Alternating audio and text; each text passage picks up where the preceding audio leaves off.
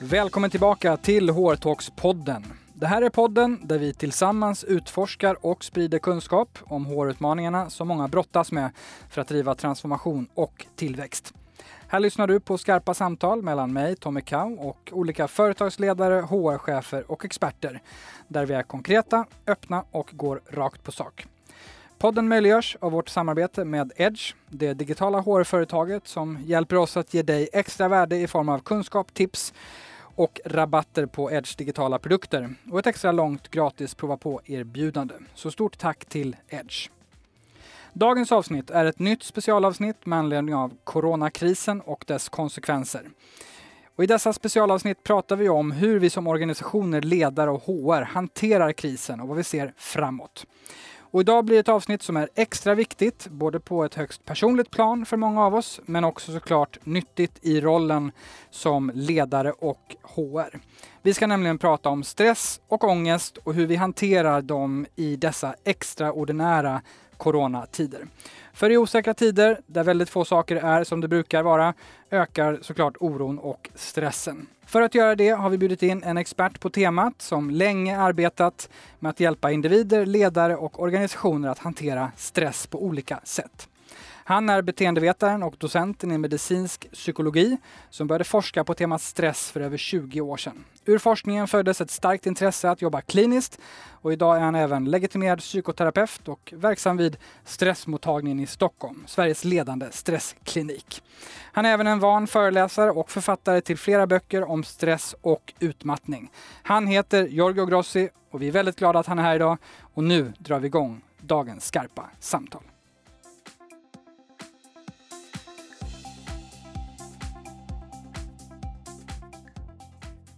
Hjärtligt välkommen till HR-talks-podden, Giorgio Grossi. Tack Tommy, tack. Jättekul att vara här. Som du vet går vi i den här podden eh, rakt på sak. Mm. Och jag är lite nyfiken på vad du ser är den, den största utmaningen med ska vi säga, den stress och oro som kommer nu i spåren av coronakrisen. Mm.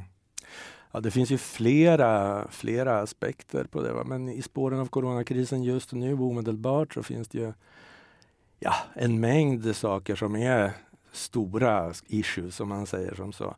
Dels att vi har den här enorma ovissheten som vi ställs inför. Va? Det, det är ju ett stort nummer. Det här är ju någonting som vi är totalt oförberedda på. Och ovisshet, att inte veta vad som händer, hur framtiden ter sig och det inte finns någon tydlighet, det är ju bland det värsta vi människor vet. Sen så kan ju vi vara mer eller mindre toleranta för ovisshet. Va? Det är lite grann som en allergi. För vissa räcker det med lite ovisshet och så blir man väldigt stressad och eh, ångestladdad och börjar bete sig irrationellt och andra klarar mer. Men just det att kunna navigera genom den här ovissheten och ha någon form av dels tillit till att framtiden ändå går att eh, eh, vad ska vi säga, göra möjlig att leva på ett bra sätt samtidigt som vi håller fokus på nuet och löser de problem som är dagsaktuella. Det är väl ett förhållningssätt som vi behöver odla. Alltså fokus, fokus på nuet och framtiden mm. samtidigt på ett konstruktivt sätt. Va?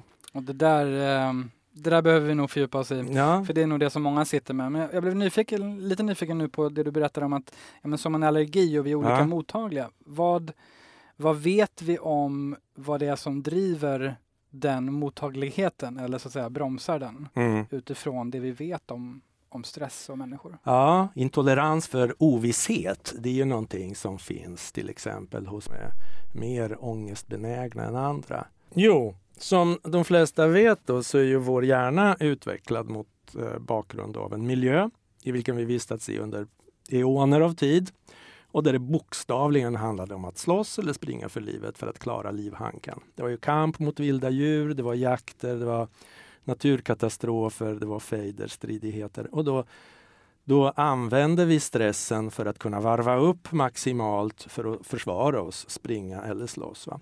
Och i och med det så har vi också en hjärna som är framevolverad till att förutse problem. Vi gör hela tiden simuleringar av framtiden och försöker förutspå allting som kan gå snett, alla faror som kan dyka upp och komma på lösningar på dessa problem och faror på förhand så att säga. Va? Och det har ju gagnat oss under väldigt många miljoner år. och gör det fortfarande. Vi behöver ju ha en viss, eh, vad kan vi säga, eh, jag skådar framåt och ha lite koll på situationen. Samtidigt som det också kan gå överstyr. Det kan ju bli för mycket av den varan. Särskilt som vi, okej okay, med undantag för coronaepidemin nu och, och med reservation för att det finns platser på jorden där det finns svält och krig och naturkatastrofer så lever ju vi till vardags här i Sverige, de flesta av oss, under ganska så trygga förhållanden där den här överdrivna upptagenheten av problem och katastrofer inte gagnar oss.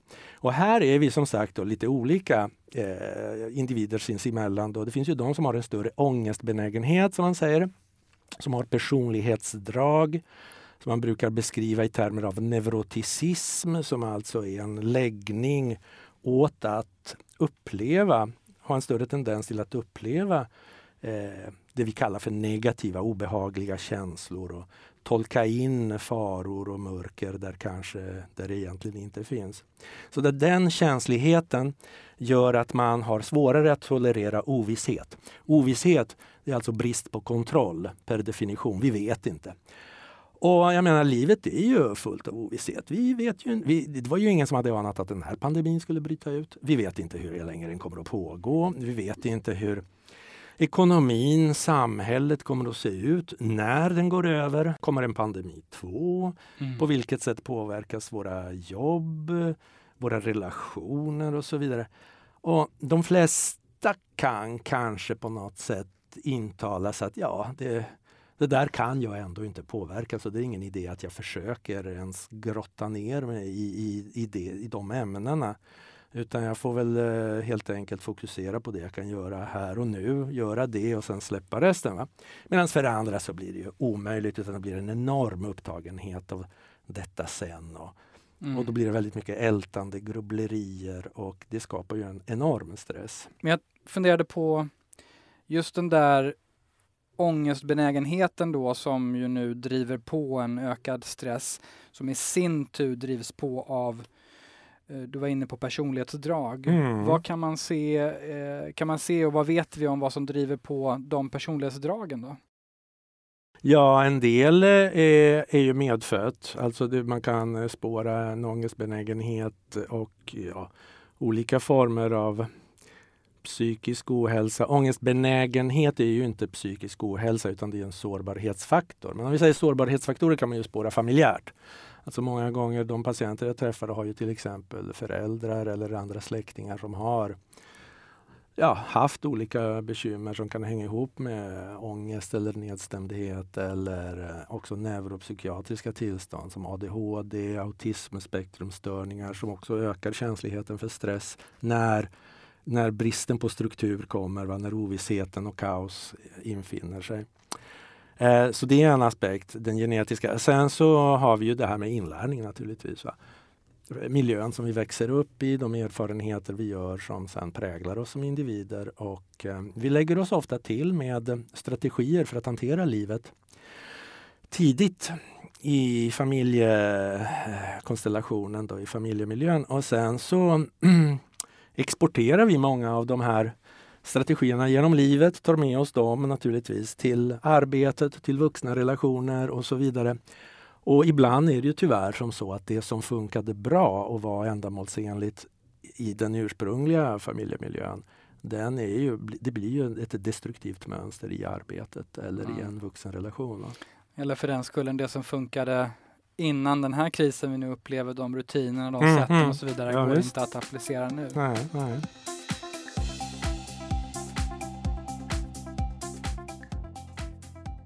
Man blir ändå ny, lite nyfiken på, du som då forskar och är liksom eh, alldeles uppenbart expert på de här frågorna. Mm. Blir du stressad över den situationen vi är i? Och hur hanterar du det? En stressforskares en sätt att hantera stress? Ja, en stressforskares reflektioner. Ja, men någonting som jag eh, alltid försöker påminna mig om det är det här som jag var inne på tidigare, nämligen vad är det jag kan påverka och vad är det jag inte kan påverka. Eh, anonyma alkoholisters sinnesrosbön, det är en sån här käpphäst som vi, vi använder oss av i tid och otid på stressmottagningar. Men den lyder någonting i stil med Ge mig sinnesro att acceptera det jag inte kan förändra. Mod att förändra det jag kan och förstånd och inse skillnaden. Klassiken. Ja, klassikern. Och det finns så mycket klokskap i den. Va? Så vad jag kan påverka det är ju vad jag gör, vad jag väljer att göra i min vardag. Jag kan, som jag pratat om tidigare, då välja att ta den där promenaden eller så kan jag välja att avstå.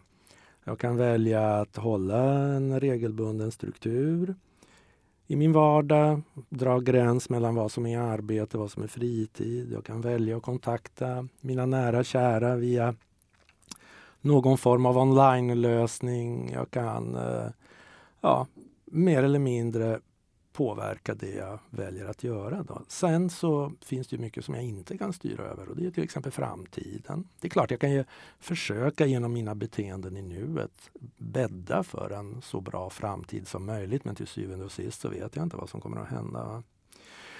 Och jag kan inte påverka det som har varit. Så grubbla kring det. Jag borde ha gjort si och varför gjorde jag så? Och vad kommer den att tycka när jag sa på det där? Det kan jag inte heller påverka.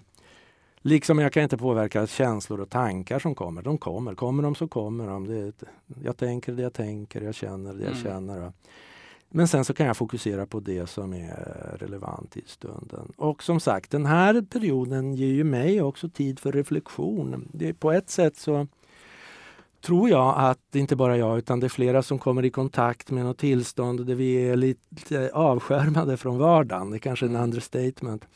Men det kan vi ju faktiskt använda till att reflektera på ett konstruktivt sätt. Kanske. Vad går livet ut på? Vad tycker jag är viktigt? Vilka relationer är viktiga?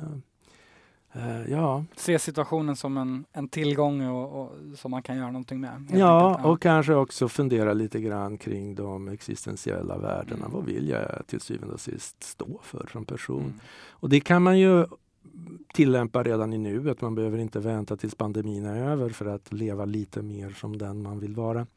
Jag tänkte lite på det här mantrat och det som vi nu också pratar om att den här insikten och, och att man inte kan kontrollera framtiden, du kan inte kontrollera dåtiden. Det låter ju väldigt enkelt såklart. Mm. Och det här sitter ju eh, sannolikt väldigt många av de som lyssnar och många andra där ute och, och kämpar med. Mm. För att vi är väldigt vana att kunna påverka och skalan eh, numera för vad du kan påverka, den är liksom mycket på något sätt längre och går att reglera. Vi kan eh, kanske försöka, jag kan bara relatera till mig själv. Ja. Man kan ju ändå försöka påverka lite grann för att man är lite mer på sociala medier, man mm. syns lite mer, man, man förbereder lite mer content, man tar fram planer för ditten och datten, man gör plan A, B, C och vi har pratat mycket om i den här podden hittills i de här specialavsnitten att väldigt många sitter med scenarioplanering, mm -hmm. närmast i absurdum, för att göra det bästa man kan för att försöka förutspå och kontrollera lite grann. Jajamän. Det är vår människohjärna som är in action så att säga. Det är det vi har den till. Hur, ja, och, och, det är ju en gåva. Men, ja. men om, man, om man ändå ska liksom försöka stänga av det där. Ja. Är det liksom rådet ändå? Att försöka inse att det inte går? Mm. Ja, men det är väl som så att för mycket, för lite skämmer allt. Mm. Okay?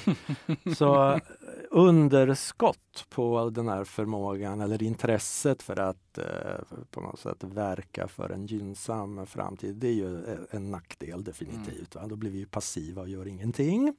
Medan om det blir för mycket, då, är det också, då kommer vi in i det där som många av mina, eller de flesta av mina patienter har hamnat i, någon form av mental eh, stressöverdos som eh, inte bara skapas av yttre omständigheter utan av egna mentala mm. processer. Då, va?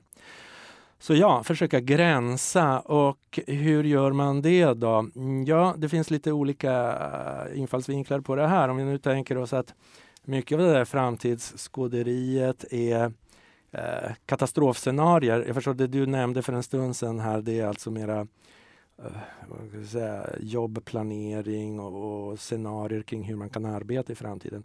Men ponera nu att man är upptagen av katastroffantasier.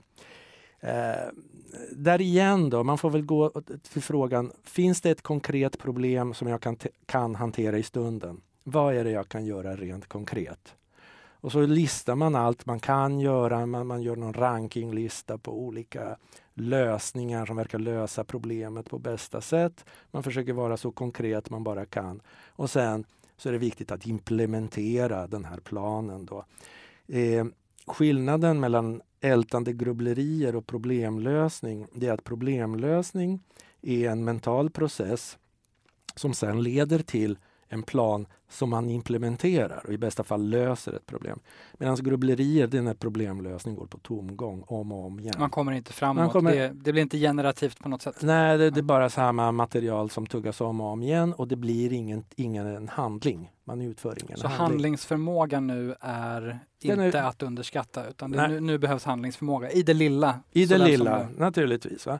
Och sen då, när man har gjort det man kan då har man gjort det man kan. Då är det ju onödigt att grubbla om eh, ett antal varv till. Va? Nu vill ju vår hjärna gärna göra det. När den mm. väcker oss mitt i natten kanske så vill den gärna gå igenom gamla tillkortakommanden, relationsmissar och sånt några gånger till. Va? Fast då får man eh, träna sig i att gränsa den, så att säga. Man får eh, träna sig i att släppa. Och det handlar ju om vad vi fokuserar på, vad vi väljer att fokusera på. Vi kan ju inte få tyst på huvudet. Det är omöjligt att stänga av tankar till exempel. Tankar tänker vi konstant. Den enda tiden vi inte tänker det är när vi är i djupsömn till exempel, mm. några gånger per natt.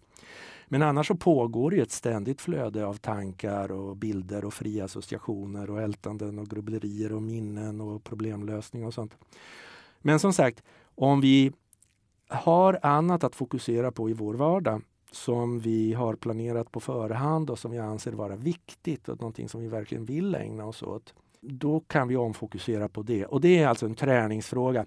Det här med medveten närvaro som är en uppsättning metoder som har varit som är hämtade från buddhistisk eh, meditationstradition och som eh, då har eh, fått en stor spridning i vårt samhälle de senaste decennierna. Det är ju någonting som används på lite olika sätt av olika individer. Många ser det som någon form av avslappning. Mm. Men eh, så är det ju inte riktigt utan det är i mångt och mycket träning i att fokusera. Och fokuserar jag inåt på mina grubblerier, går in i något mentalt snack med mig själv, då är jag fånge i grubblerierna. Mm. Medan som jag kan notera, lägga märke till, göra mig medvetet närvarande kring det faktumet att jag nu går in i grubblerier, så kan jag också välja att styra om min uppmärksamhet till någonting konkret jag kan göra just nu. Jag kan leka med mitt barn, jag kan ta en promenad, jag kan göra en online, eh, genomföra ett online-träningspass. Jag kan välja att titta på en dokumentär, jag kan jobba lite grann, jag kan åka iväg och träffa Tommy på, på, mm. på podden. Eh, och det är det det handlar om väldigt mycket. För att kunna begränsa det här som vi pratar om, det krävs då en omfokusering. Mm. Och det kan vi styra över. Vi kan inte riktigt få tyst på huvudet, men vi kan styra vad vi fokuserar på. Jag vill tacka vår samarbetspartner, digitala hårföretaget Edge. För med deras digitala produkter kan du som HR-ledare eller chef få tillgång till användbara mallar, dokument, checklister och kalkyler och få snabba och trygga svar på alla möjliga frågor inom HR. Allt i syfte att förenkla och effektivisera ditt HR-arbete så att du kan frigöra viktig tid. När jag själv tidigare var chef var exempelvis en av utmaningarna att göra korrekta kostnadsanalyser eller business cases för olika förändringar eller satsningar i personalen. Det kunde vara allt från investeringar i hälsa och kultur till beräkningar för både nyanställningar och omorganisationer. I Edge produkter finns det flera riktigt bra beräkningsmodeller som jag skulle haft stor nytta av då. Så missa inte att gå in och kika på Edge produkter som nu via HR-talks-podden kan fås med 15% rabatt eller testas i två veckor helt kostnadsfritt. Så kika direkt på edgehr.se hrtalks.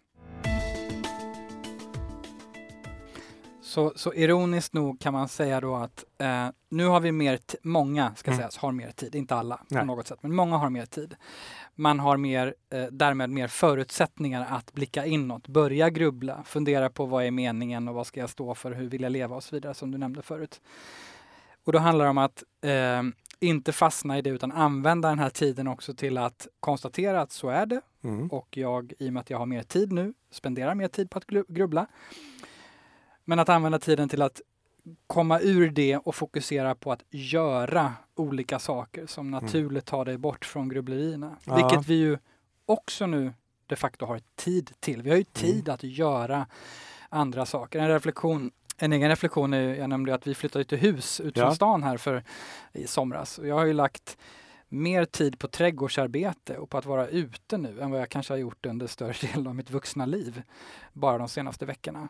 Och insett att det där är ju, det var en aha-upplevelse, det där är ju nästan meditativt. Eh, handlade kring någonting annat som helt har tagit mig bort från eh, grubblarstadiet. Just det. Kont- en kontrast, Mm. eller hur? Både miljömässigt, du får vara utomhus i, ett, i en annan setting och så får du ägna dig åt en aktivitet som inte är det vanliga som du brukar göra. Som inte är fullt lika mental till sin karaktär kanske. Va? Just det. Och då hamnar du i det här meditativa tillståndet där du genom mer av ett fysiskt arbete, plock och pyssel med händerna, hamnar i ett annat mentalt läge. Mm. Jag vill dock slå, bryta en lans för grubblerierna, för grubblerier det låter väldigt negativt. Och, och det är ju i den bemärkelsen att vi ofta tuggar om gammal, gamla tankar utan att vi kommer någon vart. Vi Men- fastnar. Vi fastnar, precis. Eh, då är det en fälla. Men det här med att reflektera kring livet och vad man vill stå för i sina roller, det kan ju vara väldigt konstruktivt och det har vi alldeles för sällan tid till att göra i vardagen. Men någonting som vi skulle kunna tänka på det är ju att för, förutom att försöka hitta på optimala lösningar för hur vi ska arbeta framöver, det är också se över sådana saker som eh, Ja, som privatperson då. Hur vill jag vara i egenskap av, som jag sa tidigare, då, till exempel partner? Vad är det för värden som jag vill stå för? Vad är det för typ av eh, partner jag vill vara? Vill jag vara eh, omtänksam? Vill jag vara närvarande? Vill jag vara gränssättande? Vill jag vara romantisk? Vill jag vara humoristisk? Som pappa, vad är det för värden jag vill stå för gentemot mina barn. Vad är det jag vill lära dem genom mitt sätt att vara? Eh, när de uppvaktar mig på min 90-årsdag när jag lever då, vad är det jag skulle vilja att de sa till mig med ett fåtal ord? Mm. Tack pappa, du, för oss har du inneburit det här och det här och det här. Och likadant i arbetet, vad är det som driver? Vad är det för drivkrafter vi har egentligen till att eh, investera så mycket engagemang i vårt arbete? Va? Många tänker att det handlar om måsten och borden och det är så det ska vara. Men här har vi nu en möjlighet, om vi får tid, till att reflektera kring det här med vill snarare än allt det här med måsten och Mm. borden och vad som förväntas. Sen, för att det inte ska bli grubbleri av det hela, så behöver vi också omsätta det i handling. Va? Det är ju det som är det fina här, att vi kan ju inte tänka oss till några förändringar i livet, utan tankarna behöver ju omvandlas, översättas i konkreta handlingar. Och eftersom vi förvisso, många har ju en, mer tid nu, men i vanliga fall så har vi ju inte det. Va? Så gäller det då att omsätta tankarna till väldigt konkreta små handlingar som vi, Mm. vi kan utföra ofta. Hellre lite och ofta än någon stor.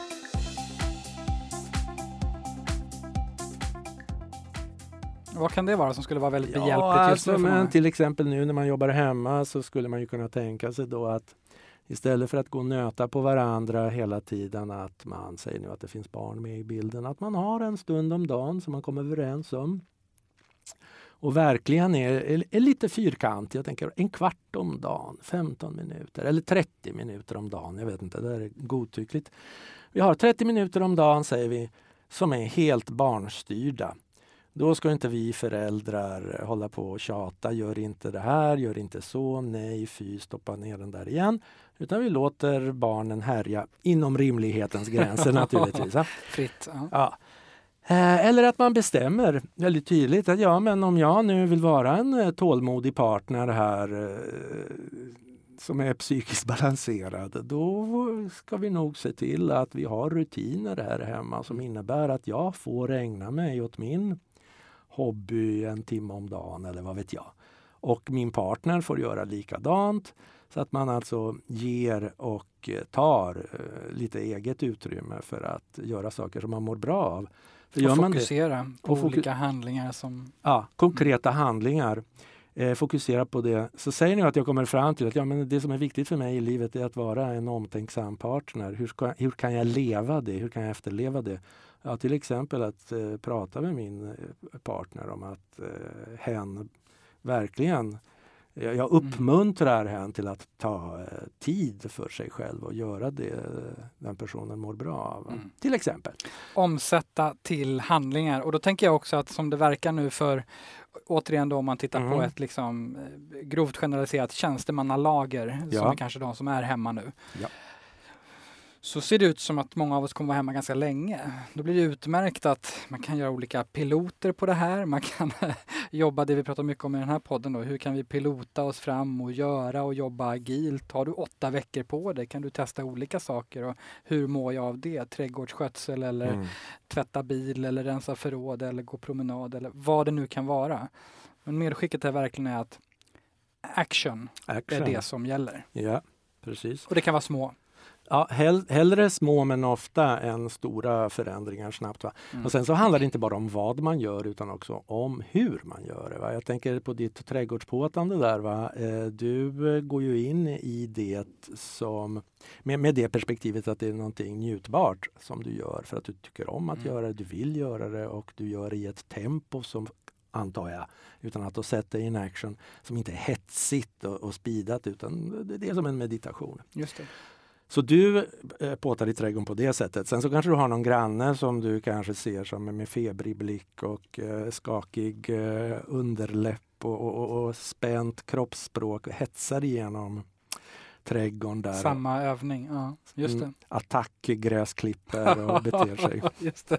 Jag skulle vilja cirkulera tillbaka lite till med den här kontroll, hur vi kan Mm. öka känslan av kontroll och också koppla det kanske till den delen av befolkningen nu som åtminstone jobbar eh, hemifrån och, och hur vi hanterar hemarbete och isolering och så vidare.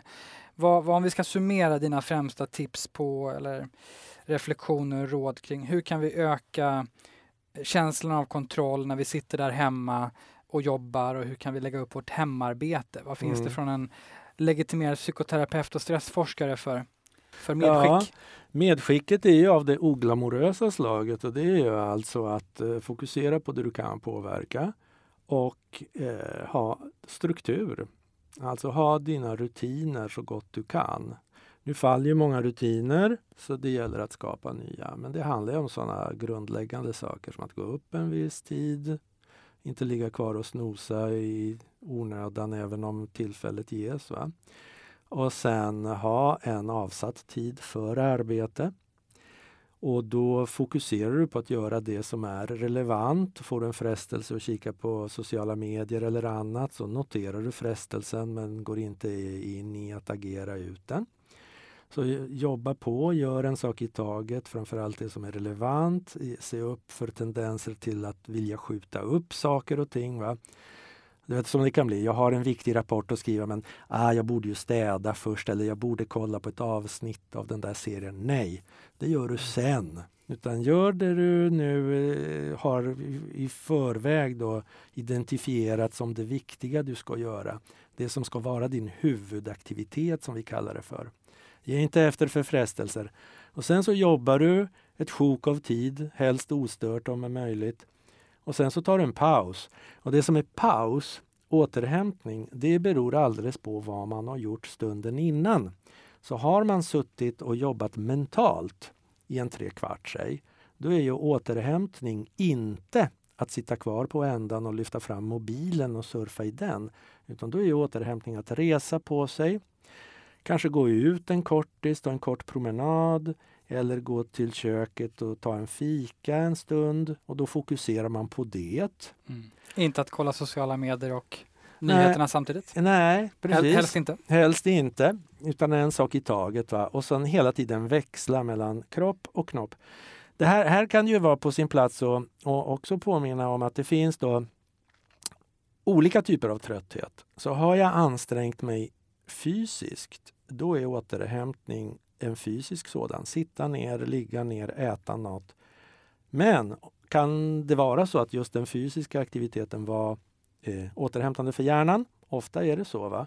Så det kanske är efter en joggingrunda eller påtandet i trädgården som hjärnan är så pass skarp att det är läge att sitta ner med någonting som är mer mentalt eh, utmanande.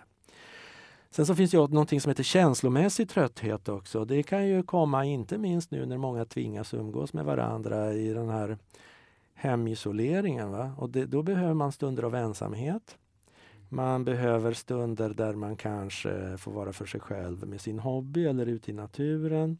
Eller få tillbringa tid med någon som är duktig på att lyssna och inte ge en massa goda råd, som bara tar emot.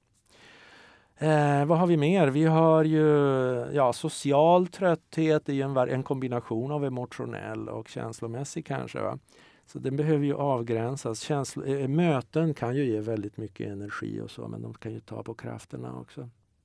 Så hittar man sätt att växla mellan de här olika typerna av aktiviteter, då får man en god balans mellan aktivitet och återhämtning. Och som sagt, försöka avgränsa jobbet. Jobbtid är jobbtid. Eh, har man möjlighet att inrätta en del av hemmet till kontor så att man jobbar där och inte annorstädes, då gör man det. Va? Och sen när man har jobbat klart, då gäller det att omfokusera på fritiden. Och, och där gäller det att ha en, en meny, ett smörgåsbord av aktiviteter att ägna sig åt. Va? Och gärna, om man nu har en läggning åt att vara grubblande, att inte kunna släppa tankar på jobbet, på fritid och så vidare. Ha någon aktivitet som faktiskt kräver full uppmärksamhet. Och vad det nu är, det är upp till var och en. Va? Men det finns ju en del fritidsaktiviteter där man är tvungen att vara väldigt uppmärksam på det man gör för annars blir det fel. Mm. Jag vet, vad vet jag, nu, nu i coronatider så kan det ju vara svårt kanske för, för en del att upprätthålla en del av det de brukar göra. Men säg om du rider eller om du dansar, går på klasser och tar speciella danskurser då, eller liknande. Det finns ju aktiviteter som kräver din fulla uppmärksamhet. Och gör du något sånt som du tycker om då förstås, det är en förutsättning. Så ett par timmar senare så märker du att du har fått en viss distans till det där jobbet eller det som brukar skava själsligt. Och det är någonting vi behöver, inte för att vi ska vara fullblodsegoister utan det är en förutsättning för att vi ska hålla och vara hyfsat goda medmänniskor. Vi ska börja runda av och skicka med några summerande budskap. Vad, vad skulle du, eh, till de som lyssnar som är inom HR-funktionen eller i en HR-profession, vad, vad är ditt viktigaste sista budskap till, till dem på det här temat? Ta hand om er. Var snälla mot er ha en eh, hyfsad eh, struktur i vardagen, gränsa arbete, fritid. Tillåt er att ägna er åt sådant som ni mår bra av och finner glädje i. Aktiviteter, vänner etc. Eh, håll kontakten med människor ni tycker om.